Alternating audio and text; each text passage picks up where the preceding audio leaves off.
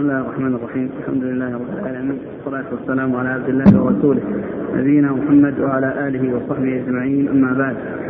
قال الإمام الحافظ أبو عيسى الترمذي رحمه الله تعالى في جامعه قال كتاب القدر عن رسول الله صلى الله عليه وعلى آله وسلم. باب ما جاء في التشديد في الخوض في القدر. قال حدثنا عبد الله بن معاوية الجمحي البصري. قال حدثنا صالح المري. عن هشام بن حسان عن محمد بن سيرين عن أبي هريرة رضي الله عنه أنه قال خرج علينا رسول الله صلى الله عليه وعلى آله وسلم ونحن نتنازع في القدر فغضب حتى احمر وجهه حتى كأنما فقئ في وجنتيه الرمان فقال أبهذا أمرتم؟ أم بهذا أرسلت إليكم؟ إنما هلك من كان قبلكم حين تنازعوا في هذا الأمر. عزمت عليكم عزمت عليكم ألا تتنازعوا فيه. قال أبو عيسى وفي الباب عن عمر وعائشة وأنس رضي الله عنهم. وهذا حديث غريب لا نعرفه إلا من هذا الوجه من حديث صالح المري. وصالح المري له غرائب ينفرد بها لا يتابع عليها. بسم الله الرحمن الرحيم. الحمد لله رب العالمين وصلى الله وسلم وبارك على عبده ورسوله نبينا محمد وعلى آله وأصحابه أجمعين. أما بعد فيقول الإمام أبو عيسى الترمذي رحمه الله في الجامعة كتاب القدر عن رسول الله صلى الله عليه وسلم. القدر الإيمان به أحد أصول الإيمان الستة التي جاءت في حديث جبريل حيث جاء إلى النبي عليه الصلاة والسلام وسأله عن الإسلام والإيمان والإحسان والساعة وشيء من أمارات الساعة وقد أجابه النبي صلى الله عليه وسلم على تلك الأسئلة. وفي آخر الحديث قال هذا جبريل أتاكم يعلمكم دينكم. وكان مما سأله عنه أنه قال أخبرني عن الإيمان فقال أن تؤمن بالله وملائكته وكتبه ورسله واليوم الآخر واليوم الآخر والقدر خيره وشره. فجعل الايمان بالقدر أحد أصول الإيمان الستة. والقدر سر من الأسرار التي أختص الله عز وجل بها وأخفاها على عباده وهم لا يعلمون الشيء الذي قدر لهم. والله عز وجل قدر المقادير وكتب ذلك في اللوح المحفوظ. قبل خلق السماوات والأرض خمسين ألف سنة. وله سبحانه وتعالى الحكمة البالغة في ذلك. والقدر لا بد من الإيمان به وهو أحد هذه الأصول المبينة في حديث جبريل أن تؤمن بالله وملائكته وكتبه ورسله واليوم الآخر والقدر خيره وشره. وهو من الإيمان بالغيب لأن القدر مغيب. وكل إنسان لا يدري ما قد ماذا قدر له في المستقبل. لا يدري ما يحصل له بعد يوم أو بعد ساعة أو بعد يعني أقل أو أكثر. كل ذلك اختص الله سبحانه وتعالى بعلمه وقدر ذلك قبل خلق السماوات والأرض بخمسين ألف سنة حيث كتب ذلك في اللوح المحفوظ والقدر له مراتب أربع. المرتبة الأولى العلم علم الله عز وجل بالأشياء فيما لا بداية له أي في الأزل علم الله في الأزل فيما لا بداية له كل ما هو كائن وكل ما هو حاصل وأنه لا بد وأن يقع هذا الذي علمه الوقت الذي شاء أن يقع فيه ففيه علم عام لكل شيء. لا يخرج عن هذا العلم شيء. لأن الله عز وجل بكل شيء عليم. والأشياء المقدرة سبق علم الله عز وجل بها. وهو يعلمها في علمه الذي لا بداية له. لأن الله سبحانه وتعالى لا بداية له. وهو متصف بصفاته. ومنها العلم الذي علم به كل شيء وعلم كل ما هو كائن قبل أن يوجد وسيوجد كل ما علمه وقدره على وفق ما علمه وقدره سبحانه وتعالى. ثم الكتابة المرتبة الثانية الكتابة اللوح المحفوظ قبل خلق السماوات والأرض خمسين ألف سنة. كما قال الله عز وجل ما أصاب من مصيبة في الأرض ولا في أنفسكم إلا في كتاب من قبل أن نبرأها. إن ذلك على الله يسير. ويقول يسيرنا إلا ما كتب الله لنا. وقوله صلى الله عليه وسلم واعلم أن الأمة لو اجتمعوا ولم ينفعوك لن ينفعوك إلا بشيء قد كتبه الله لك. ولو اجتمعوا ولا يضروك لن يضروك إلا بشيء قد كتبه الله عليك. رفعت الأقلام وجفت الصحف. وقال عليه الصلاة والسلام أيضا واعلم أن ما أصابك لم يكن يخطئك وما أخطأك لم يكن يصيبك. يعني ما قدر الله عز وجل أنه يصيبك فلا يمكن أن يتخلف ولا يمكن أن يخطئك. هذا الذي قدر أنه يصيبك. وما قدر أنه يخطئك لا يمكن أن يصيبك. لأنه ما شاء الله كان وما لم يكن لم يكن. ما شاء الله كان وما لم يكن لم يكن. ثم المسألة الثالثة المشيئة. وأن هذا الذي علمه الله عز وجل وكتبه المحفوظ شاء الله عز وجل أن يوجد. شاء الله أن يوجد. فلا يقع شيء في مشيئة الله ولا يقع في ملك الله شيء ما شاءه الله. بل كل ما حصل ووقع ووجد فإنه حاصل بمشيئة الله وإرادته سبحانه وتعالى. والمسألة الرابعة الخلق والإيجاد على وفق ما علم وكتب إن شاء الله عز وجل أن يوجد وهذه المرتبة الأخيرة التي في وجود الشيء أو وجود الأشياء طبقا لما علمه الله أزلا ولما كتبه في اللوح المحفوظ وبمشيئة الله عز وجل وإرادته. والله عز وجل خالق كل شيء. الله تعالى خالق كل شيء. المرتبة الأولى هي العلم بكل شيء والمرتبة الأخيرة هي خلق الله لكل شيء. فالله تعالى عليم بكل شيء وهو خالق لكل شيء. وهاتان قضيتان لا تخصيص لا استثناء فيهما ولا تخصيص فيهما. فإن كون الله عز وجل بكل شيء عليم لا يخرج منها شيء ولا يستثنى منها شيء. وكذلك كون الله عز وجل على كل شيء قدير وأنه خالق كل شيء لا يستثنى من ذلك شيء. لا يستثنى من ذلك. فكل شيء خلق لله عز وجل. وكل ما هو موجود في في الموجود في الكون من هذه المخلوقات فإنما هو بخلق الله عز وجل.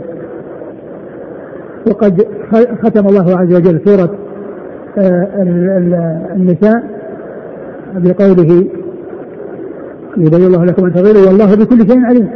والله بكل شيء عليم. فهذه هذا لفظ عام لا تخصيص فيه. وختم المائدة بقوله وهو على كل شيء قدير وهو على كل شيء قدير وكذلك أيضا آه، جمع الله عز وجل بين خلقه لكل شيء وبين علمه بكل شيء. في آخر سورة الطلاق لتعلموا أن الله على كل شيء قدير وأن الله قد أحاط بكل شيء علما.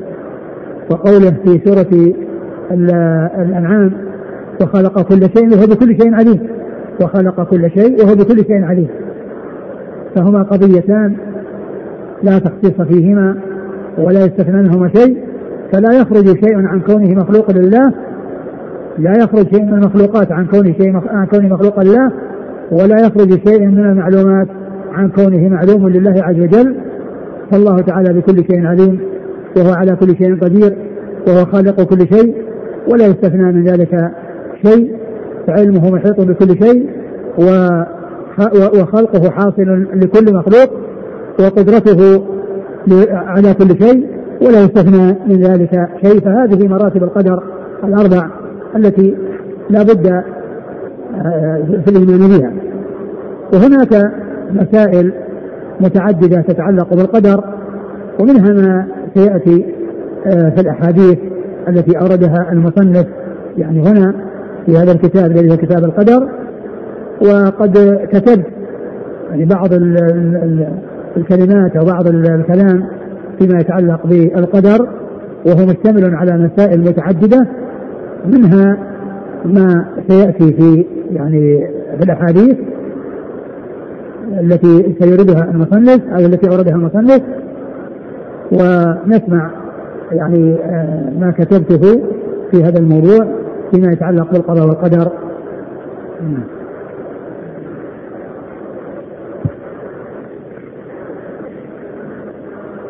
قال شيخنا حفظه الله تعالى في شرح حديث جبريل في تعليم الدين السادسة الإيمان بالقدر خيره وشره.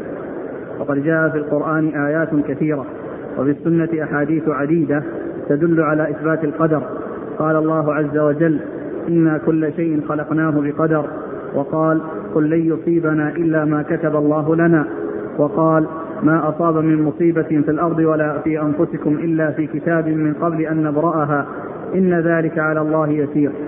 وأما السنة فهذا فيه الكتابة وأن الله كتب المقادير اللوح المحفوظ. قال الله عز وجل قل لا يصيبنا إلا ما كتب الله لنا. الذي كتب الله لنا هو الذي يصيبنا. والذي ما كتبه الله عز وجل لا يمكن أن يصيبنا. كما جاء في الحديث واعلم أن ما أصابك لم يكن ليخطئك وما أخطأك لم يكن ليصيبك. والإيمان بالقدر مبني على هاتين الجملتين. ما شاء الله كان وما لم يشأ لم يكن. ما شاء الله كان وما لم يشأ لم يكن. وهاتان الجملتان هما التي دل عليهما حديث واعلم أن ما أصابك لم يكن ليخطئك وما اخطاك لم يكن ليصيبك. ما أصابك لم يكن ليخطئك ما شاء الله كان. وما أخطأك لم يكن لم يكن ليصيبك وما لم يشأ لم يكن. وكل شيء شاءه الله لا بد وأن يوجد. وكل شيء لم يشأه الله فإنه لا يمكن أن يوجد فما شئت كان وإن لم أشأ وما شئت إن لم تشأ لم يكن ما شاء الله كان وما لم يشأ لم يكن فإذا هذه الآيات تدل على الكتابة في اللوح المحفوظ وأنه لا يقع ولا يحصل إلا ما كتب وأن الشيء الذي لم يكتب فإنه لا يمكن حصوله ولهذا قال قل لا يصيبنا إلا ما كتب الله لنا. وقال ما أصاب من مصيبة في الأرض ولا في أنفسكم إلا في كتاب من قبل أن نبرأها. إن ذلك على الله يسير. وقول إنا كل شيء خلقناه بقدر. وأما السنة فقد عقد كل من الإمام البخاري والإمام مسلم في صحيحيهما كتابا للقدر. اشتمل على أحاديث عديدة في إثبات القدر.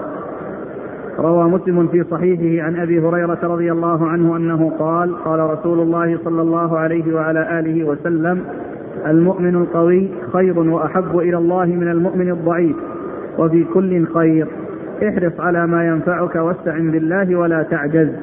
وإن أصابك شيء فلا تقل لو أني فعلت كان كذا وكذا ولكن قل قدر الله وما شاء فعل. فإن لو تفتح عمل الشيطان. وهذا الحديث حديث عظيم. يعني فيه يعني بيان أن كل شيء بقضاء وقدر وأن الإنسان يفعل الأسباب المشروعة في تحصيل ما يريد من خير الدنيا والآخرة. وأنه مع فعله الأسباب لا يعتمد عليها ولا يعول عليها بل لابد مع فعل الأسباب من من سؤال والاستعانة بمسبب الأسباب وهو الله سبحانه وتعالى.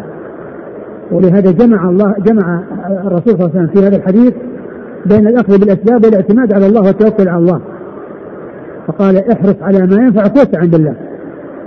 فقول احرص على ما ينفعك أخذ بالأسباب. أخذ بالأسباب مشروعة يحرص الإنسان على ما ينفع في أمور دينه ودنياه ومع كونه يحرص على الأسباب لا يعتمد على الأسباب.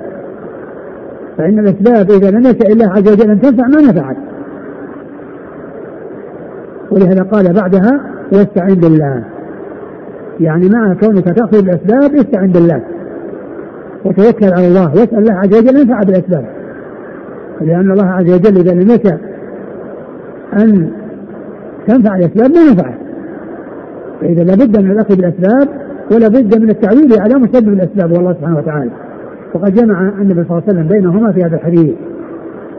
فالأسباب يؤخذ بها لكن لا يعتمد عليها لأنها ليست كل شيء. إذا ما شاء الله أن ينفع السبب وجد ولكن لم يوجد المسبب فالإنسان إذا أراد حصول الولد يتزوج. ما في طريق لحصول الولد إلا الزواج. أو ملك اليمين ما يحصل الولد إلا بهذين الطريقين فالإنسان عندما يريد ولد يأخذ بالأسباب.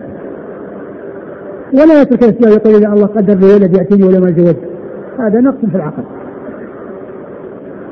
وإنما الله قدر وشرع أن يكون الحصول على الولد عن طريق الزواج أو ملك اليمين والإنسان قد يتزوج ويكون له ملك يمين ولكن لا يوجد. المسبب الذي هو الولد إذا لم يسأل الله عز وجل أن يوجد. فإذا لابد مع الأخذ بالأسباب من الاعتماد على مسبب الأسباب وسؤال الله عز وجل أن ينفع بالأسباب. ولهذا النبي صلى الله عليه وسلم جمع بينهما في قوله احرص على ما ينفعك واستعن بالله. وإذا حرص الإنسان على ما ينفع واستعن بالله واستعن بالله ولم يعجز ثم حصل شيء خلاف ما يريد. ما يقول لو أني فعلت كان كذا وكذا؟ لو أني فعلت لو ما دخلت هذا المشروع التجاري ما حصل لي كذا لو ما سافرت هذا السفر ما حصل لي كذا لا ما ينفع الكلام هذا. الشيء اللي قدره الله لابد أن يوجد. ولكن قل قدر الله وما شاء فعل. إذا حصل لك شيء خلاف ما تريد وما حصل لك الشيء الذي آه، أردته فأنت لا تتلوم وتسخط وتقول لو أني لحصل كذا لكان كذا. لكن قل قدر الله وما شاء فعل. قدر الله وما شاء فعل. فإن لو تفتح عمل الشيطان لو التي فيها التلوم وفيها التسخط وفيها الاعتراض على قضاء الله وقدره هذه تفتح عمل الشيطان. نعم. وروى مسلم بإسناده إلى طاووس قال أدركت ناسا من أصحاب رسول الله صلى الله عليه وعلى آله وسلم يقولون كل شيء بقدر. قال وسمعت عبد الله بن عمر رضي الله عنهما يقول قال رسول الله صلى الله عليه وعلى آله وسلم كل شيء بقدر حتى العجز والكيس أو الكيس والعجز. والعجز والكيس ضدان فنشاط النشيط وكسل الكسول وعجزه كل ذلك بقدر. قال النووي في شرح الحديث ومعناه أن العاجز قد قدر عجزه والكيس قد قدر كيسه. يعني كل حركة وسكون في الوجود فهي بقضاء وقدر.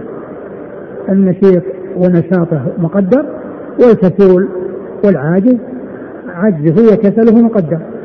كل شيء بقدر حتى العجز والكيس حتى عجز العاجز ونشاط النشيط كل ذلك مقدر. وقال صلى الله عليه وعلى آله وسلم ما منكم من أحد إلا وقد كتب مقعده من الجنة ومقعده من النار. فقالوا يا رسول الله أفلا نتكل؟ فقال اعملوا فكل ميسر. ثم قرأ فأما من أعطى واتقى وصدق بالحسنى إلى قوله للعسرى. رواه البخاري ومسلم من حديث علي رضي الله عنه. يعني كون الأمور مقدرة وأنه سبق بها القضاء والقدر يعني ما يترك العمل من أجل الاتكال على المقدر لأن الله عز وجل قدر الغايات وقدر أسبابا تؤدي إلى الغايات. والإنسان مأمور منه أن يعمل مطلوب منه أن يعمل وهو مأمور بأن يعمل. ومن وفقه الله عز وجل فإنه آه، يفعل ما ينتهي به إلى خير. ومن لم يوفق فإنه يعمل ما ينتهي به إلى شر. فالناس لا يتركون العمل اتكالا على المقدر لأن الله قدر المسببات وقدر أسبابا تؤدي إليها. وكل من الأسباب والمسببات مقدرة. الغاية التي هي السعادة مقدرة. والعمل الذي يؤدي إليها وهو العمل الصالح مقدر. والإنسان مطلوب منه أن يعمل الأعمال الصالحة. وإذا عملها فإنه يعمل شيء قد سبق به القضاء والقدر. وإذا لم يعمل فإنه حصل له الخذلان وحصل له آه، عدم التوفيق. فلم يأخذ بالأسباب التي توصله إلى السعادة بل أخذ بالأسباب التي توصله إلى الشقاوة. ولهذا قال عليه السلام أما اعمل فكل ميسر أما أهل السعادة فييسرون لعمل أهل السعادة وأما أهل الشقاوة فييسرون لعمل أهل الشقاوة. نعم. والحديث يدل على أن أعمال العباد الصالحة مقدرة وتؤدي إلى حصول السعادة وهي مقدرة. وأعمالهم السيئة مقدرة وتؤدي إلى الشقاوة وهي مقدرة. والله سبحانه وتعالى قدر الأسباب والمسببات وكل شيء لا يخرج عن قضاء الله وقدره وخلقه وإيجاده. وعن عبد الله بن عباس رضي الله عنهما أنه قال كنت خلف رسول الله صلى الله عليه وعلى آله وسلم يوما فقال يا غلام إني أعلمك كلمات احفظ الله يحفظك احفظ الله تجده تجاهك إذا سألت فاسأل الله وإذا استعنت فاستعن بالله. واعلم أن الأمة لو اجتمعت على أن ينفعوك بشيء لم ينفعوك إلا بشيء قد كتبه الله لك. ولو اجتمعوا على أن يضروك بشيء لم يضروك إلا بشيء قد كتبه الله عليك. رفعت الأقلام وجفت الصحف. يعني أن أن حصول حصول النفع من الناس يعني إذا شاء الله عز وجل أن يكون فإنه يحصل مشيئة الله وإرادته وسبق علمه وكتابته لذلك. فإذا هذا الذي آه، هذه الوسيلة التي أدت إلى النفع هي مقدرة. يعني كون الناس ينفعون مقدر. الله قدر أن الناس ينفعون وإذا كان حصل منهم ضرر فقد سبق قضاء الله وقدره بأنهم يضرون. فإذا لا يحصل شيء خارج عن مشيئة الله وإرادته وعن علمه وعن كتابته بل كل ما يقع في الوجود فهو بمشيئته وإرادته وخلقه وتكوينه وإيجاده. وقد سبق به علم الله عز وجل الذي لا بداية له. نعم.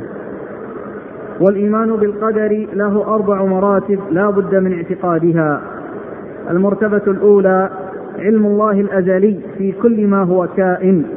فإن كل كائن قد سبق به علم الله أزلا ولا ولا يتجدد له علم بشيء لم يكن عالما به أزلا. الثانية يعني علم الناس الناس علمهم بالشيء يعني إذا وقع عرفوا عرفوا عرفوا أنه مقدر إذا وقع. وأما الله عز وجل فإنه عالم أزلا بكل ما يقع. عالم بالشيء قبل وقوعه وسبق وقوعه أو إيقاع الله عز وجل إياه وخلق الله عز وجل له علمه الأزلي وكتابته في اللوح المحفوظ قبل خلق السماوات والأرض بخمسين ألف سنة وكون الله قد شاءه وأراده. فلا يتجدد لله علم بوجود الأشياء بل سبق علم الله بكل ما هو موجود قبل في العلم في علمه الذي لا بداية له في علمه الأزلي الذي لا بداية له. نعم. الثانية كتابة كل ما هو كائن في اللوح المحفوظ قبل خلق السماوات والأرض بخمسين ألف سنة. لقوله صلى الله عليه وآله وسلم كتب الله مقادير الخلائق قبل أن يخلق السماوات والأرض بخمسين ألف سنة. قال وعرشه على الماء. رواه مسلم من حديث عبد الله بن عمرو رضي الله عنهما. الثالثة مشيئة الله وإرادته فإن كل ما هو كائن إنما حصل بمشيئة الله ولا يقع في ملك الله إلا ما أراده الله فما شاء الله كان وما لم يشأ لم يكن. قال الله عز وجل إنما أمره إذا أراد شيئا أن يقول له كن فيكون. وقال وما تشاءون إلا أن يشاء الله رب العالمين. الرابعة إيجاد كل ما هو كائن وخلقه بمشيئة الله. وفقا لما علمه أزلا وكتبه في اللوح المحفوظ. فإن كل ما هو كائن من ذوات وأفعال هو بخلق الله وإيجاده. كما قال الله عز وجل الله خالق كل شيء وقال والله خلقكم وما تعملون يعني خلقكم وما تعملون خلق خلق الذوات وخلق الصفات. يعني خلق الذوات اللي هو الناس وخلق أفعالهم وأعمالهم. لأن كل ما يقع هو خلق الله وإيجاد الله. لا يمكن أن يوجد في ملك الله شيء ما خلقه الله وما أراده الله. ولا يخرج عن خلق الله شيء ولا يخرج عن علم الله شيء. وخلق كل شيء وهو بكل شيء عليم. وخلق كل شيء وهو بكل شيء عليم. فعلمه محيط بكل شيء وخلقه حاصل لكل ما هو موجود ومخلوق. والإيمان بالقدر هو من الغيب الذي لا يعلمه إلا الله ويمكن أن يعلم الخلق ما هو مقدر بأحد أمرين. الأمر الأول الوقوع. فإذا وقع شيء علم بأنه مقدر لأنه لو لم يقدر لم يقع فإنه ما شاء الله كان وما لم يشأ لم يكن. الثاني حصول الإخبار من رسول الله صلى الله عليه وعلى آله وسلم عن أمور تقع في المستقبل. مثل إخباره عن الدجال ويأجوج ومأجوج ونزول عيسى بن مريم وغيرها من الأمور التي تقع في آخر في آخر الزمان. فهذه الأخبار تدل على أن هذه الأمور لا بد أن تقع وأنه سبق بها قضاء الله وقدره. ومثل إخباره عن أمور تقع قرب زمانه صلى الله عليه وعلى آله وسلم. ومن ذلك ما جاء في حديث أبي بكرة رضي الله عنه أنه قال سمعت النبي صلى الله عليه وعلى آله وسلم على المنبر والحسن إلى جنبه ينظر إلى الناس مرة وإليه مرة ويقول ابني هذا سيد ولعل الله أن يصلح به بين فئتين من المسلمين. رواه البخاري. وقد وقع ما أخبر به الرسول صلى الله عليه وعلى آله وسلم في عام واحد وأربعين حيث اجتمعت كلمة المسلمين وسمي عام الجماعة والصحابة رضي الله عنهم وأرضاهم فهموا من هذا الحديث أن الحسن رضي الله عنه لن يموت صغيرا وأنه سيعيش حتى يحصل ما أخبر به الرسول صلى الله عليه وآله وسلم من الصلح وهو شيء مقدر علم الصحابة به قبل وقوعه آه علم آه، آه، القدر من علم الغيب الذي اختص الله تعالى بعلمه ولا يعلم, يعلم الناس ما في, في, اللوح المحفوظ وما قدر إلا بأحد امرين. الأمر الأول الوقوع فإذا وقع شيء وحصل علمنا بانه مقدر لأنه هو المقدر ما وجد. لو لم يكن مقدرا ما وجد لأنه لا يقع إلا مقدر ما شاء الله كان. فلما كان علمنا بانه مقدر.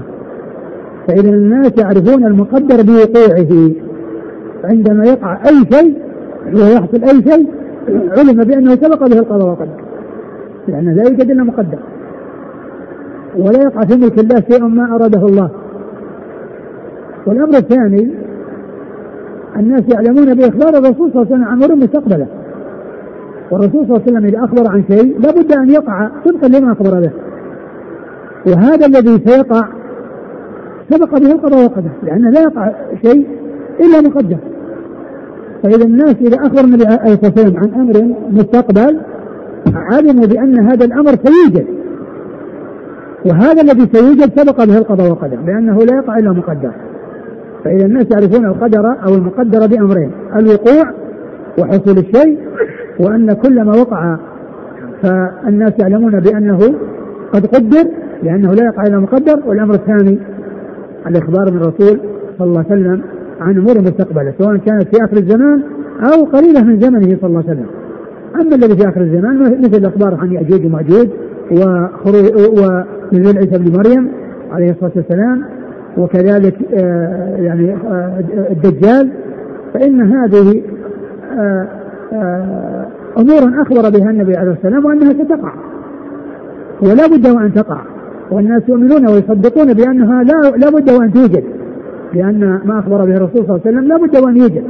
وهذا الذي أخبر به الرسول صلى الله عليه وسلم أنه سيوجد سبق به القضاء والقدر. الله قدر أن الدجال سيخرج وقدر أن يعني ياجوج وماجوج يخرجون. وكتب ذلك في اللوح المحفوظ والناس عرفوا هذا الشيء قبل وقوعه باخبار الصادق المصدوق صلى الله عليه وسلم عنه. وكذلك ما كان قريبا من زمانه من الأمور القريبة من زمانه وقبل وقبل آخر الدنيا أيضا أخبر عن امور والناس يعتقدون بأن هذا الذي أخبر به الرسول صلى الله عليه وسلم لابد أن يوجد ولما أخبر به النبي صلى الله عليه وسلم وكان قريبا من زمانه إخباره عن الحسن بأن الله يصلح به بين فئتين عظيمتين من المسلمين. وكان النبي صلى الله عليه وسلم أخبر بأن الحسن سيصلح الله به بفئتين بين فئتين عظيمة من المسلمين. ثم هذا الذي أخبر به النبي صلى الله عليه وسلم عام 41 عام 41 من الهجرة. الذي سمي عام الجماعة لأن كلمة المسلمين اجتمعت. وحيث تنازل لمعاوية تنازل الحسن رضي الله عنه لمعاوية رضي الله عنه. وحصل بهذا اجتماع الكلمة التي كانت قبل ذلك كان فيها التفرق فإذا هذا الذي فرض الرسول صلى الله عليه وسلم وقع في عام 41 الصحابة رضي الله عنهم وأرضاهم لما سمعوا هذا الخبر من الرسول صلى الله عليه وسلم علموا بأن الحسن سيحصل على يده هذا الطفل. ومقتضى هذا أنه لن يموت طفلا صغيرا. لأن الرسول أخبر بأنه سيصلح بين الناس. ومعنى ذلك أنه سيعيش. وقد تحقق هذا الذي أخبر به النبي عليه الصلاة والسلام فإذا الناس يعلمون المقدر بأمرين. أحدهما الوقوع والثاني إخبار الإخبار عن أمر مستقبل من الصادق المصدوق صلى الله عليه وسلم فإنه لا بد وأن يقع في الوقت الذي شاء الله أن يقع فيه. والناس يعلمون بأنه مقدر لأن الذي سيقع سبق به القضاء والقدر. نعم. والله سبحانه خالق كل شيء ومقدره. قال الله عز وجل الله خالق كل شيء. وقال وخلق كل شيء فقدره تقديرا. فكل ما هو كائن من خير وشر هو بقضاء الله وقدره ومشيئته وإرادته.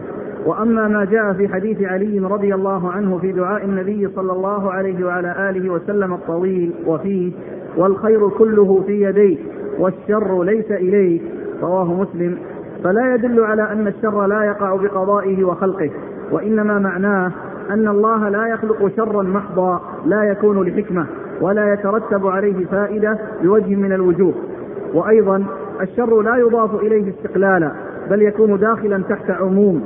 كما قال عز وجل الله خالق كل شيء وقال إنا كل شيء خلقناه بقدر فيتأدب مع الله بعدم نسبة الشر وحده إلى الله. ولهذا جاء فيما ذكره الله عن الجن تأدبهم بنسبة الخير إليه وذكر الشر على البناء للمجهول. قال الله عز وجل وأنا لا ندري أشر أريد بمن في الأرض أم أراد بهم ربهم رشدا. نعم وهذا يعني فيه بيان أن ما جاء في الحديث نقول هو الشر ليس إليك ليس معنى ذلك أنه ما قدره ولا خلقه وأن الشر الذي يوجد أنه خارج عن إرادة الله وعن مشيئة الله وعن خلق الله وإيجاد الله بل كل شيء مخلوق الله عز وجل. الخير والشر. ولكن الحديث معناه أنه آه، آه، أنه ليس إلى الله عز وجل أنه يخلق شرا لا يترتب عليه مصلحة ولا وليس وليس فيه فائدة. وإنما هو شر محض لا فائدة فيه بوجه من الوجوه هذا ما حصل. وكل شر يعني قد حصل وكل شيء قد قدره الله عز وجل من الشر فإنه فيه فيه مصلحة وفيه فائدة تترتب عليه. أما أن يخلق شرا محضا لا خير فيه ولا يترتب عليه مصلحة وفائدة في من الوجوه فهذا ليس إلى الله عز وجل. فإذا هذا هو معنى الحديث. وأيضا آه، الشر لا ينسب إلى الله استقلالا وإنما ينسب ضمن غير ضمن العمومات. الله خلق شيء وخلق كل شيء.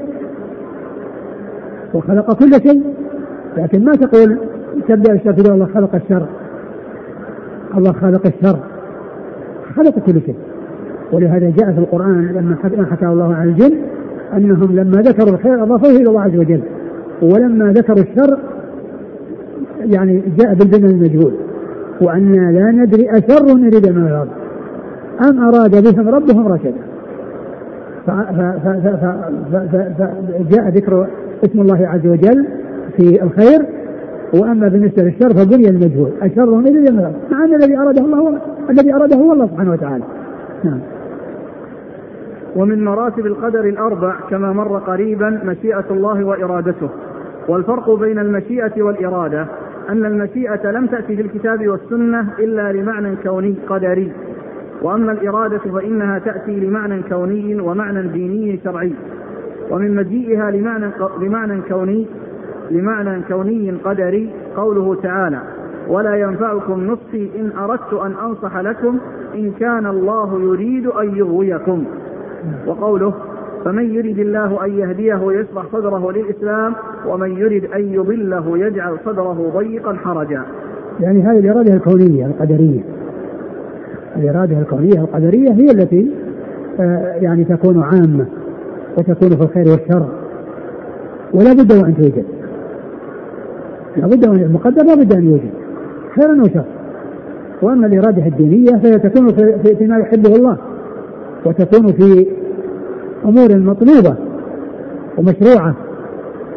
ولكنها ليست كالقدرية لابد أن توجد بل يوجد توجد الطاعه مما وفقه الله عز وجل لها بأن يمتثل ما أريد منه شرعا وتتخلف في حق من لم يوفق وخذل فلم يستجب ويستسلم لما أريد منه شرعا. نعم. ومن مجيء الإرادة لمعنى شرعي قول الله عز وجل يريد الله بكم اليسر ولا يريد بكم العسر وقوله ما يريد الله ليجعل عليكم من حرج ولكن يريد ليطهركم وليتم نعمته عليكم لعلكم تشكرون. يعني أراد الله في تشريعه لكم اليسر. وأنه لم يجعل عليكم في الدين من حرج. نعم. والفرق بين الإرادتين أن الإرادة الكونية تكون عامة فيما يحبه الله ويسخطه. وأما الإرادة الشرعية وأما الإرادة الشرعية فلا تكون إلا فيما يحبه الله ويرضاه. والكونية لا بد من وقوعها والدينية تقع في حق من وفقه الله وتتخلف في حق من لم يحصل له التوفيق من الله. وهناك كلمات تأتي لمعنى كوني وشرعي منها القضاء والتحريم والإذن والكلمات والأمر وغيرها. ذكر ابن القيم وذكر ما يشهد لها من القرآن والسنة في كتابه شفاء العليم في الباب التاسع والعشرين منه. يعني إن هناك كلمات مثل الإرادة الكونية مثل الإرادة. تاتي بمعنى كوني ومعنى شرعي وهي الإذن. ما أصاب مصيبه إلا ما أصاب مصيبه إلا بإذن الله. يعني بقضاء الله وقدره. أذن الذين يقاتلون بأنهم ظلموا. يعني أذن لهم في القتال شرع لهم. يعني ففيه يعني إذن كوني وإذن شرعي. وكذلك القضاء في قضاء كوني ويعني وقضاء ديني. قال ربك لا تعبدوا إلا إياه. يعني أمر ووصى وشرع أن لا يعبد إلا الله عز وجل. يعني أمر بعبادته سبحانه وتعالى. وكذلك أيضا تأتي بمعنى القدر وكان امرا مقضيا. نعم. وكذلك الكلمات الأخرى التي هي التحريم والكلمات ويعني غيرها تأتي بمعنى كوني ولمعنى شرعي. وكما ذكرت ابن القيم رحمه الله عقد لها بابا خاصا وذكر هذه الكلمات وذكر الأدلة الدالة عليها من كتاب الله عز وجل وسنة رسوله صلى الله عليه وسلم فيما يكون كونيا وما يكون شرعيا. نعم. وكل شيء قدره الله وقضاه وكتبه في اللوح المحفوظ لا بد من وقوعه ولا تغيير فيه ولا تبديل كما قال الله عز وجل ما أصاب من مصيبة في الأرض ولا في أنفسكم إلا في كتاب من قبل أن نبرأها وقوله صلى الله عليه وعلى آله وسلم رفعت الأقلام وجفت الصحف. وأما قول الله عز وجل يمحو الله ما يشاء ويثبت وعنده أم الكتاب فقد فسر بأن ذلك يتعلق بالشرائع فينسخ الله منها ما يشاء ويثبت ما يشاء حتى ختمت برسالة نبينا محمد صلى الله عليه وعلى آله وسلم التي نسخت جميع الشرائع قبلها. ويدل لذلك قوله في الآية التي قبلها وما كان لرسول أن يأتي بآية إلا بإذن الله لكل أجل كتاب وفسر بالأقدار التي هي في غير اللوح المحفوظ كالذي يكون بأيدي الملائكة وانظر شفاء العليل لابن القيم في الأبواب الثاني والرابع والخامس والسادس فقد ذكر في كل باب تقديرا خاصا بعد التقدير في اللوح المحفوظ. يعني يمحو الله ما يشاء ويثبت ليس في, في, في اللوح المحفوظ. فالذي في اللوح المحفوظ لا يغير ولا يبدل. ولا بد ان يقع. وإنما التغيير يعني في الآية إما أن يكون مقصود بها الشرائع السابقة ولهذا الآية التي قبلها تتعلق بالرسالات. ولقد أرسلنا رسلا من قبلك فجعلنا لهم ازواجا وذرية. وما كان الرسول يأتي بآية إلا بإذن الله لكل أجل كتاب يمحو الله ما يشاء ويثبت فجاءت يمحو الله ما يشاء ويثبت بعد الآية السابقة وفيها ذكر الشرائع. اذا يكون يمحو الله ما يشاء ويثبت تتعلق بالشرائع وكون بعضها ينسخ بعضا. وأن يعني من الشرائع ما يثبت في الشريعة التي بعدها شيء في الشريعة السابقة ومنها ما يمحى في هذه الشريعة وقد أثبت في الشريعة السابقة مثل شريعة موسى عليه السلام. آه، شريعة عيسى فيها كثير مما مما مما في شريعة موسى عليه الصلاة والسلام. وأثبت ما أثبت ونسخ ما نسخ. نسخ ما نسخ فإذا يمحو الله ما يشاء ويثبت يتعلق بالشرائع أو أنها تتعلق بما في أيدي الملائكة. يعني من من, من يعني من يعني من غير الذي في اللوح المحفوظ. أما اللوح المحفوظ فإنه لا تغيير فيه ولا تبديل. نعم. وأما قوله صلى الله عليه وعلى آله وسلم لا يرد القضاء إلا الدعاء ولا يزيد في العمر إلا البر أخرجه الترمذي وحسنه. وانظر السلسلة الصحيحة للالباني فلا يدل على تغيير ما في اللوح المحفوظ وإنما يدل على أن الله قدر السلامة من الشرور وقدر أسبابا لتلك السلامة. والمعنى أن الله دفع عن العبد شرا وذلك مقدر بسبب يفعله وهو الدعاء وهو مقدر. وكذلك قدر أن يطول عمر الإنسان وقدر أن يحصل منه سبب لذلك وهو البر وصلة الرحم. فالأسباب والمسببات كلها بقضاء الله وقدره. وكذلك يقال في قوله صلى الله عليه وعلى آله وسلم من سره أن يبسط له في رزقه أو ينسأ له في أثره فليصل رحمه. رواه البخاري ومسلم. وأجل كل إنسان مقدر في اللوح المحفوظ لا يتقدم عنه ولا يتأخر كما قال الله عز وجل ولن يؤخر الله نفسا إذا جاء أجلها. وقال تعالى لكل أمة, لكل أمة أجل إذا جاء أجلهم فلا يستأخرون ساعة ولا يستقدمون. وكل من مات أو قتل فهو بأجله. ولا يقال كما قالت المعتزلة إن المقتول قطع عليه أجله وأنه لو لم يقتل لعاش إلى أجل آخر. فإن كل إنسان قدر الله له أجلا واحدا وقدر لهذا الأجل أسبابا فهذا يموت بالمرض وهذا يموت بالغرق وهذا يموت بالقتل وهكذا. نعم يعني أن أن يعني آه يعني هذه ال ال ال ال الأشياء التي آه آه قدر الله عز وجل يعني أن تكون وأن توجد. يعني آه، تلك الغايات لها أسباب. يعني فليس معنى كون الإنسان يعني ان صلة الرحم يعني إنها إنها تزيد في العمر أو إنها سبب في طول العمر. أن الله عز وجل كتب في اللوح المحفوظ عمر ثم إنه يحصل منه البر فيغير المقدر بل الذي في اللوح المحفوظ أن هذا قدر أن عمره طويل وقدر سببا يحصل منه وهو كونه يكون ضارا. فإذا طول العمر مقدر والسبب الذي يؤدي إلى طول العمر مقدر. فلم يحصل تغيير في اللوح المحفوظ. ما حصل تغيير فيه بل الذي فيه على ما هو عليه ولكن الله قدر المسببات وقدر الأسباب. قدر الأسباب وقدر المسببات. وليس معنى ذلك أن أن الإنسان قدر له عمر معين وأنه حصل منه البر وأنه في الزيادة في عمره وغير ما في اللوح المحفوظ لا. الذي في المحفوظ لا يغير ولا يبدل. ولكن ما جاء من الزيادة أو من كون آه، صلة الرحم أنها تزيد في العمر أو أنها يعني أن البر يعني يزيد في العمر ليس معنى ذلك أنه يغير العمر من أجل إلى أجل بل الأجل واحد والله قدر ذلك الأجل وقدر سببا يؤدي إلى ذلك الأجل وهو البر. وليس والمقتول مقتول بأجله.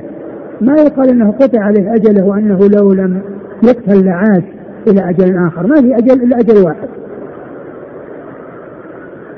لو لم يقتل لعاش إلى أجل قطع عليه أجله وأنه آه، لم يترك حتى يبلغ أجله. بل آه، كل إنسان يموت بأجله. والله قد جعل الاجال لها أسباب. فهذا يموت بسبب المرض وهذا بسبب القتل وهذا بسبب الغرق وهذا بسبب الحرق وهذا بسبب كذا وهذا بسبب كذا. تعرف الأسباب والموت واحد. نعم. ولا يجوز الاحتجاج بالقدر على ترك مأمور ولا على فعل محظور فمن فعل معصية لها عقوبة محددة شرعا. واعتذر عن فعله بأن ذلك قدر فإنه يعاقب بالعقوبة الشرعية ويقال له إن معاقبتك بهذه العقوبة قدر. وأما ما جاء في حديث محاجة آدم وموسى في القدر فليس من قبيل الاحتجاج بالقدر على فعل معصية وإنما هو على المصيبة التي كانت بسبب المعصية. فقد روى الله عليه وعلى عن أبي هريرة رضي الله عنه أنه قال قال رسول الله صلى الله عليه وعلى آله وسلم احتج آدم وموسى فقال له موسى أنت آدم. خطيئتك من الجنة. فقال له آدم أنت موسى الذي اصطفاك الله برسالاته وبكلامه ثم تلومني على أمر قدر علي قبل أن أخلق. فحج آدم موسى مرتين. وقد عقد ابن القيم في كتابه شفاء العليل الباب الثالث للكلام عن هذا الحديث. فذكر ما قيل في معناه من أقوال باطلة. وذكر الآيات التي فيها الاحتجاج فيها احتجاج المشركين على شركهم بالقدر وأن الله أكذبهم لأنهم باقون على شركهم وكفرهم وما قالوه هو من الحق الذي أريد به باطل. ثم ذكر توجيهين لمعنى الحديث. أولهما أولهما لشيخه شيخ الإسلام ابن تيمية والثاني من فهمه واستنباطه. فقال إذا عرفت هذا فموسى أعرف بالله وأسمائه وصفاته من أن يلوم على ذنب قد تاب منه فاعله فاجتباه ربه بعده وهداه واصطفاه. وآدم أعرف بربه من أن يحتج بقضائه وقدره على معصيته. بل إنما لام موسى آدم على المصيبة التي نالت الذرية بخروجهم من الجنة ونزولهم إلى دار الابتلاء والمحنة بسبب خطيئة أبيهم. فذكر الخطيئة تنبيها على سبب المصيبة والمحنة التي نالت الذرية. ولهذا قال له أخرج أخرجتنا ونفسك من الجنة وفي لفظ خيبتنا. فاحتج آدم بالقدر على المصيبة وقال إن هذه المصيبة التي نالت الذرية بسبب خطيئتي كانت مكتوبة بقدره قبل خلقي والقدر يحتج به في المصائب دون المعائب.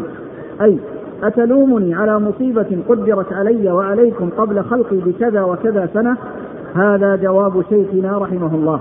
وقد يتوجه جواب آخر. يعني أن هذا يتعلق يعني أن أن أن أن, أن, أن الاحتجاج إنما هو على المصيبة وليس على على الذنب والعيب وإنما قد يحتج في المصائب لا في المعايب.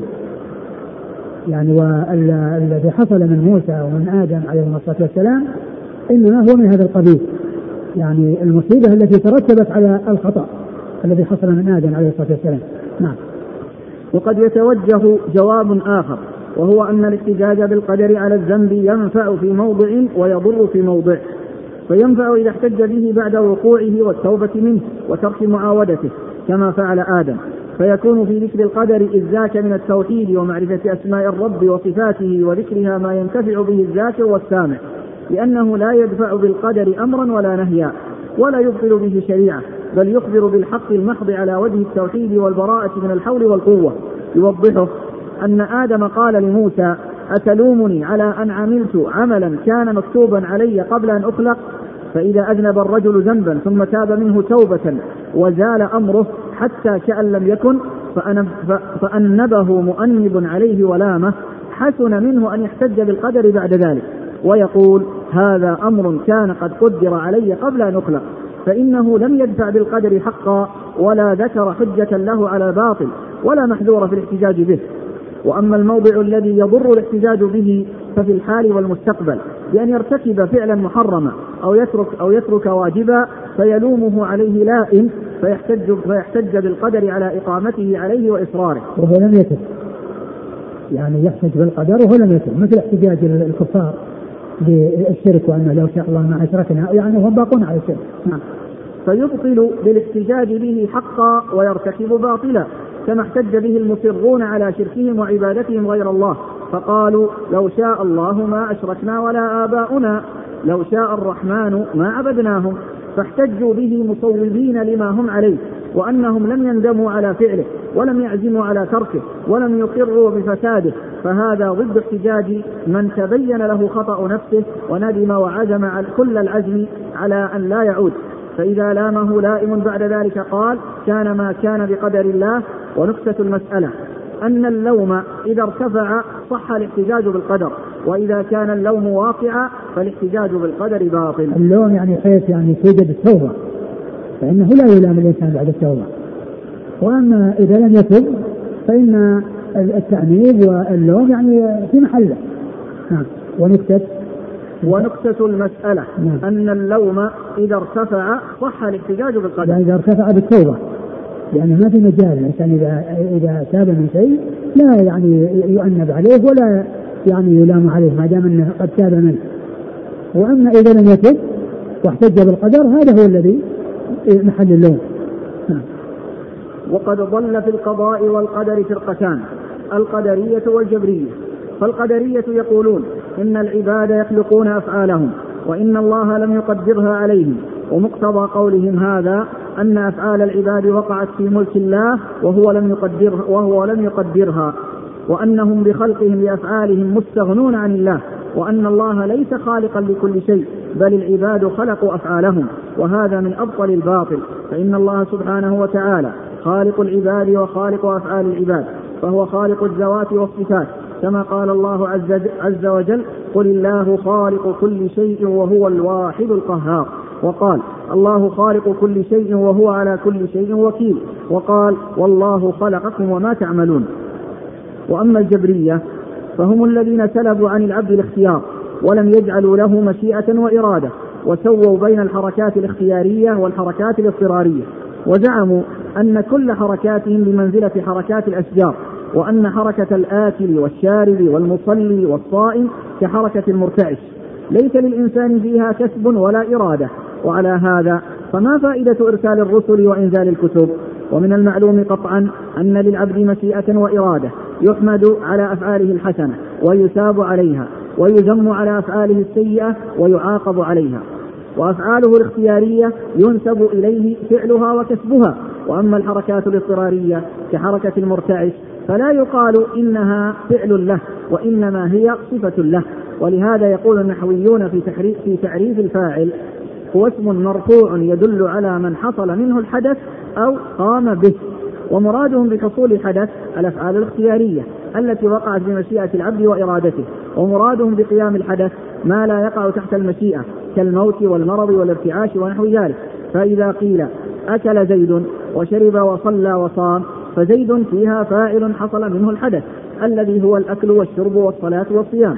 وإذا قيل مرض زيد أو مات زيد أو ارتعشت يده فإن الحدث ليس من فعل زيد وإنما هو وصف قام به. وأهل باب القضاء والقدر ظل فيه طائفتان متقابلتان. وأهل السنة والجماعة وسط بينهما. فالقدرية قالوا أن الله عز وجل ما قدر أفعال العباد وما خلقها بل هي خلق من العباد، العباد هم الذين يجدون أفعالهم. لانهم يريدون بزعمهم أنهم ينزهون الله عز وجل عن يعني آه عن الأمور آه عن تقدير وخلق الأشياء التي لا تجوز. فنسبوا الخلق إلى العباد هم الذين يخلقون أفعالهم. يخلقون أفعالهم والله عز وجل لم يخلقها ولم يقدرها وإنما هم الذين يجدونها. ف جعلوا مع الله خالقين يعني معناها أن الله ليس خالق كل خالق كل شيء بل هذه هذا العموم مستثنى من أفعال العباد فإنها مخلوقة للعباد وليست مخلوقة لله سبحانه وتعالى.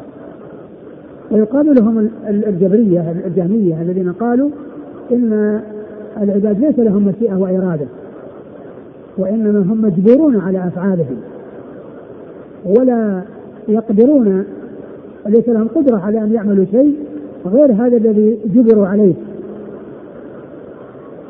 وجعلوا أفعال الاختيارية كالاضطرارية وأن أفعالهم مثل حركة الأشجار. لتحركها الرياح.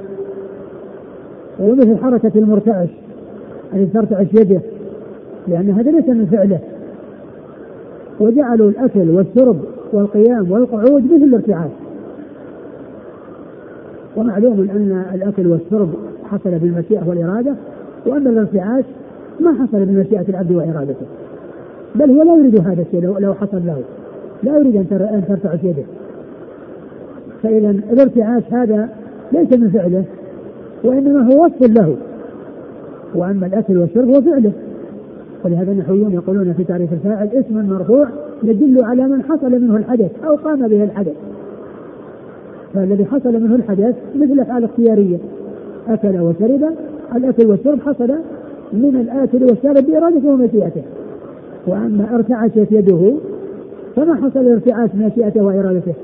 وإنما حصل آه، بشيء خارج عن إرادته ومشيئته فهو وصف له وليس كسبا.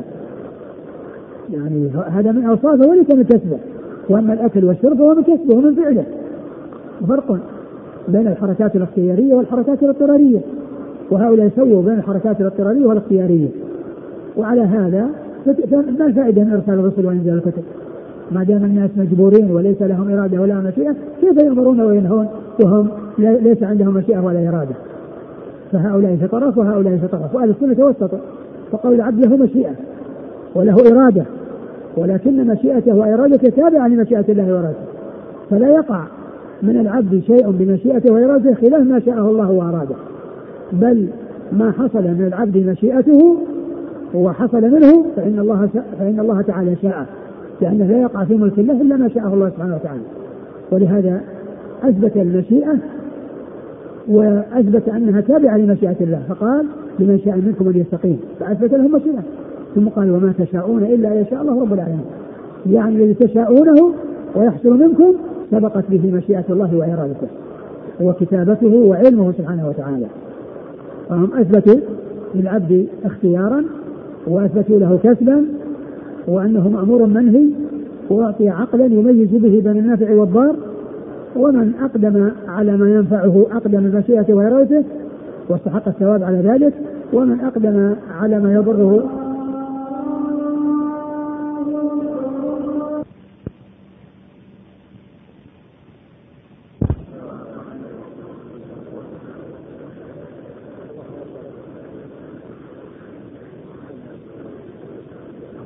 ومن أقدم على شيء يضره فإنه حصل ذلك بمشيئته وإرادته. وهذه المشيئة والإرادة التي حصلت منهم تابعة لمشيئة الله وإرادته. وما تشاءون إلا أن يشاء الله رب العالمين. فإذا العباد لهم مشيئة ولكن مشيئتهم لا تخرج عن مشيئة الله سبحانه وتعالى. بمعنى أنه إذا وجد منهم شيء بمشيئتهم وإرادتهم فإن الله تعالى قد شاءه وأراده. ولا يقع في ملك الله شيء لم يشأه الله عز وجل كما تقوله المعتزلة الذين يقولون إن العباد يخلقون أفعالهم والله ما قدرها عليه. بل إذا وجد من العبد شيء فإن آه، وجود ذلك منه آه، آه، إنما حصل وفقا لما قد شاءه الله سبحانه وتعالى. ولا يخرج ولا من العباد شيء لم يشاء الله بل كل ما يحصل منهم وكل ما يوجد منهم من خير وشر فقد سبقت به مشيئة الله وإرادته. نعم. وأهل السنة والجماعة وسط بين الجبرية الغلاة في الإثبات والقدرية النفاة فإنهم أثبتوا للعبد مشيئة وأثبتوا للرب مشيئة عامة وجعلوا مشيئة العبد تابعة لمشيئة الله كما قال الله عز وجل لمن شاء منكم أن يستقيم وما تشاءون إلا أن يشاء الله رب العالمين فلا يقع في ملك الله ما لم يشأه الله بخلاف القدرية القائلين إن العباد يخلقون أفعالهم ولا يعاقب العباد ولا يعاقب العباد على أشياء لا إرادة لهم فيها ولا مشيئة كما هو قول الجبرية. وبهذا يجاب عن السؤال الذي يتكرر طرحه وهو هل العبد مسير أو مخير؟ فلا يقال إنه مسير بإطلاق ولا مخير بإطلاق بل يقال إنه مخير باعتبار أنه له مشيئة وإرادة. وأعماله كسب له يثاب على حسنها ويعاقب على سيئها. وهو مسير باعتبار أنه لا يحصل منه شيء خارج عن مشيئة الله وإرادته وخلقه وإيجاده. وكل ما يحصل من هداية وضلال وبمشيئة الله وإرادته.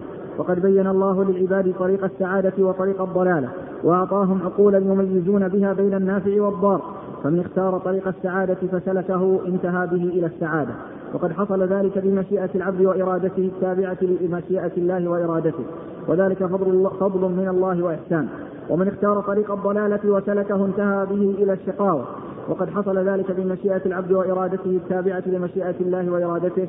وذلك عدل من الله سبحانه. قال الله عز وجل ألم نجعل له عينين ولسانا وشفتين وهديناه النجدين أي طريقي الخير والشر. وقال إنا هديناه السبيل إما شاكرا وإما كفورا. وقال من يهد الله فهو المهتدي ومن يضلل فلن تجد له وليا مرشدا. والهداية هدايتان هداية الدلالة والإرشاد وهذه حاصلة لكل أحد وهداية التوفيق وهي حاصلة لمن شاء الله هدايته ومن أدلة الهداية الأولى قول الله عز وجل لنبيه صلى الله عليه وعلى آله وسلم وإنك لتهدي إلى صراط مستقيم. أي أنك تدعو كل أحد إلى الصراط المستقيم. ومن أدلة الهداية الثانية قول الله عز وجل إنك لا تهدي من أحببت ولكن الله يهدي من يشاء. وقد جمع الله بين الهدايتين في قوله والله يدعو إلى دار السلام ويهدي من يشاء إلى صراط مستقيم. فقوله والله يدعو إلى دار السلام أي كل أحد. فحذف المفعول لإرادة العموم. وهذه هي هداية الدلالة والإرشاد. وقوله ويهدي من يشاء إلى صراط مستقيم أظهر المفعول لإفادة الخصوص وهي هداية التوفيق. انتهى؟ نعم. والله تعالى أعلم وصلى الله وسلم وبارك على عبده ورسوله محمد وعلى آله وأصحابه أجمعين. جزاكم الله خيرا وبارك الله فيكم ونفعنا الله بما قلتم غفر الله لنا ولكم وللمسلمين أجمعين.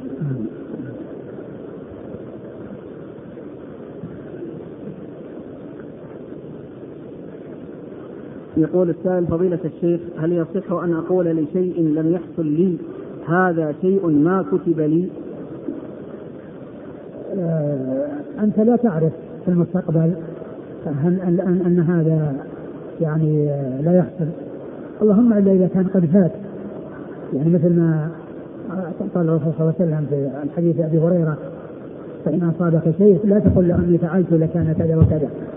يعني كونك آه، سلكت طريقا تريد فيه خيرا وما حصل لك نعم فهذا ما كتب. لأنه لو كتب لوجد. وأما إذا كان يتعلق بأمر مستقبل فأنت لا تدري هل هو مكتوب أو غير مكتوب. نعم. يقول ذكرتم حفظكم الله أن العلم والخلق ليس فيهما تخصيص فهل الكتابة والمشيئة فيهما تخصيص؟ ليس هناك تخصيص يعني المشيئه يعني معناه ان ان, أن الله يعني انه يعني يحصل شيء ما شاءه الله. بل كل ما يحصل هو مشيئة الله سبحانه وتعالى. يعني الله إذا أراد شيئا يقول له كن فيكون. وإذا لم يرده فإنه لا يقع. هل ورد لفظ الاعتماد على الله؟ والمعروف أن الوارد لفظ التوكل على الله في النصوص الشرعية. نعم النصوص الشرعية جاءت في التوكل على الله عز وجل.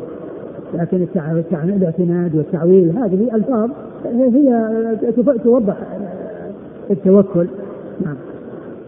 يقول بعض الناس يلفظون هكذا قدر الله وما شاء فعل بالتشديد هل هذا اللفظ صحيح؟ والله ما ما أذكر يعني اللفظ لكن يعني آه، لفظ بالضبط لكن آه، هو الذي قد حصل آه، ان المقدر الذي يجد هو المقدر وما شاء الله عز وجل يعني هو الذي يقع ويحصل لكن اللفظ وانه تعدد الألفاظ في هذا لا أدري.